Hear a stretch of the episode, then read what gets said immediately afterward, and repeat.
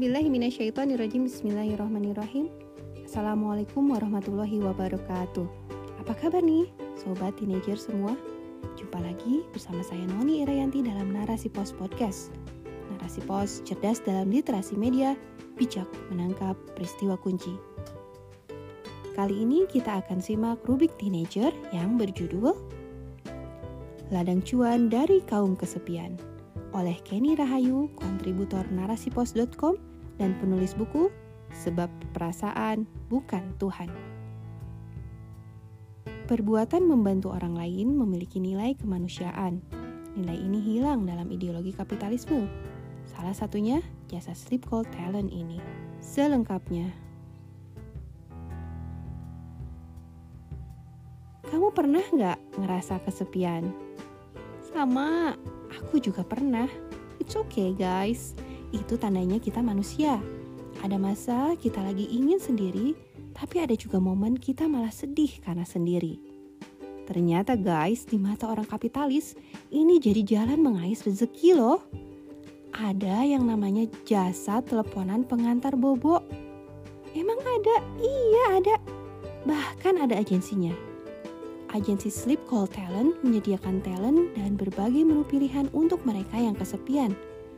Ada opsi dibacakan cerita, ditemani ngobrol sampai kita tidur, bahkan menu diingatkan makan sehari tiga kali juga ada. Nominalnya variatif, harga mulai 5000 sampai 200.000. Customer bisa pilih sesuai keinginan. Satu lagi yang gak kalah penting, ada jaminan rahasia aman. Ya, begitulah mabda kapitalisme. Apa-apa bisa jadi cuan. Orang buang air, cuan. Orang kesepian, cuan. Orang sedih, cuan. Orang butuh telinga, cuan. Apa-apa disandar ke cuan. Kapan-kapan bisa-bisa bersin aja bisa jadi cuan. Gak tahu deh gimana caranya. Tapi ya sekali lagi, itulah mabda kapitalisme. Hawa sekularisme mengikis rasa bahagia.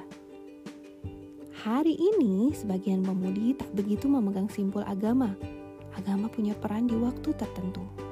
Di luar itu, manusia bebas menuhankan hawa nafsu. Ketika manusia tidak sesuai fitrahnya, ia haus dan kering dari rasa tentram menjalani kehidupan. Bahagia dicari sampai ke ujung dunia. Parahnya tetap tak didapat juga. Tidakkah kita mengenal Allah Subhanahu wa taala yang Maha mendengar atau sebenarnya kita yang salah karena tidak kenal? Tak muncul rasa puas ketika kita berdoa menangis sembari menengadah memohon rasa bahagia diselipkan ke dalam hati? Sudahkah kebodohan menyelimuti hati bahwa sesungguhnya bahagia itu hanya Allah yang beri? Islam adalah kunci. Allah berfirman dalam Quran surat Al-Fat ayat 4 yang artinya Dialah yang telah menurunkan ketenangan ke hati orang-orang beriman untuk menambah keimanan atas keimanan mereka yang telah ada. Dan milik Allah lah bala tentara langit dan bumi.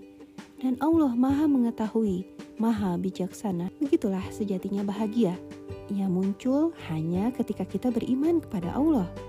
Tidak hanya basah di bibir dan mantap di jiwa, tapi ia juga terpatri dalam raga. Mazul madah biruh, adanya penyatuan materi dengan kesadaran interaksi dengan Allah. Maksudnya, setiap beramal, manusia memastikan apakah yang ia lakukan sesuai dengan yang Allah syariatkan. Sejatinya, setiap aktivitas manusia beriman pastilah bertujuan untuk menggapai ridho Allah. Itulah goyatul goyah, tujuan dari segala tujuan namun, setiap aktivitas manusia jika dirinci akan menjadi empat nilai. Penjelasannya adalah sebagai berikut. Yang pertama, nilai materi. Setiap aktivitas yang ditujukan untuk mendapatkan manfaat, keuntungan, atau aribhu atau materi digolongkan dalam nilai materi. Bedanya, Muslim tidak semata-mata mengejar keuntungan, melainkan juga ridho Allah, sehingga rambu halal haram tidak diterjang ketika mendapatinya. Setiap muamalah jual beli pasti bernilai pahala, asalkan sesuai rel ilahi. 2. Nilai spiritual. setiap aktivitas ibadah kepada Allah selama sesuai ketentuannya dan telah dicontohkan oleh Nabi Muhammad bernilai spiritual. Nilai ini mulai hilang di era kapitalisme seperti ini, sebab manusia mulai meninggalkan agamanya. Nilai ruhiyah terkikis, rasa iman dan ketenangannya goyah. Bahkan masalah mental melanda manusia di abad 21 ini. Yang ketiga, nilai kemanusiaan perbuatan membantu orang lain memiliki nilai kemanusiaan. Nilai ini hilang dalam ideologi kapitalisme. Salah satunya jasa sleep call talent ini. Jika saja manusia memiliki kesadaran interaksi dengan Allah, adanya pahala pada setiap amal baik, maka menolong orang meski tanpa imbalan dalam berbentuk materi adalah sesuatu yang menguntungkan. Tapi tidak bagi pengemban mabda kapitalisme. Membantu orang akan dilakukan jika itu mendatangkan keuntungan materi. Itulah mengapa banyak jasa yang disajikan dengan nominal imbalan. Selain itu, individualisme sangat kental dalam mabda kapitalisme. Buktinya, orang lebih nyaman curhat dengan orang yang tidak ia kenal. Ia lebih memilih membayar jasa orang untuk mengungkapkan gejolak di hati daripada ke kerabat sendiri. Di sisi lain, kerabatnya juga tercatat egois ia sampai tak mengerti beban yang dipikul saudaranya sampai harus dikeluarkan ke penyedia jasa. Yang keempat, nilai akhlak adalah perbuatan yang tujuannya adalah moralitas yang baik. Contohnya adalah jujur, tersenyum, berkata sopan, dan sebagainya. Kamu pernah lihat betapa ramahnya pegawai supermarket atau customer service di bank? Jika ia hanya ramah saat bekerja, tapi tidak di luar itu, tandanya seseorang mencampurkan nilai akhlak dalam ranah nilai materi. Seharusnya muslim berakhlak baik kapan pun, di mana pun, saat bekerja maupun tidak. Dalam ideologi kapitalisme, semua nilai-nilai tadi bertransformasi menjadi satu nilai saja.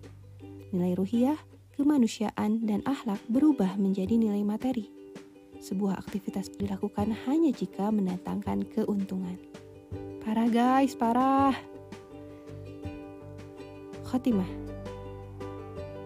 Betapa rendah kapitalisme memandang segala hal hanya dari kacamata untung dan rugi. Bahkan membantu orang lain saja diuangkan. Inilah gambaran hinanya mabda kapitalisme karena memandang kehidupan hanya sebatas materi.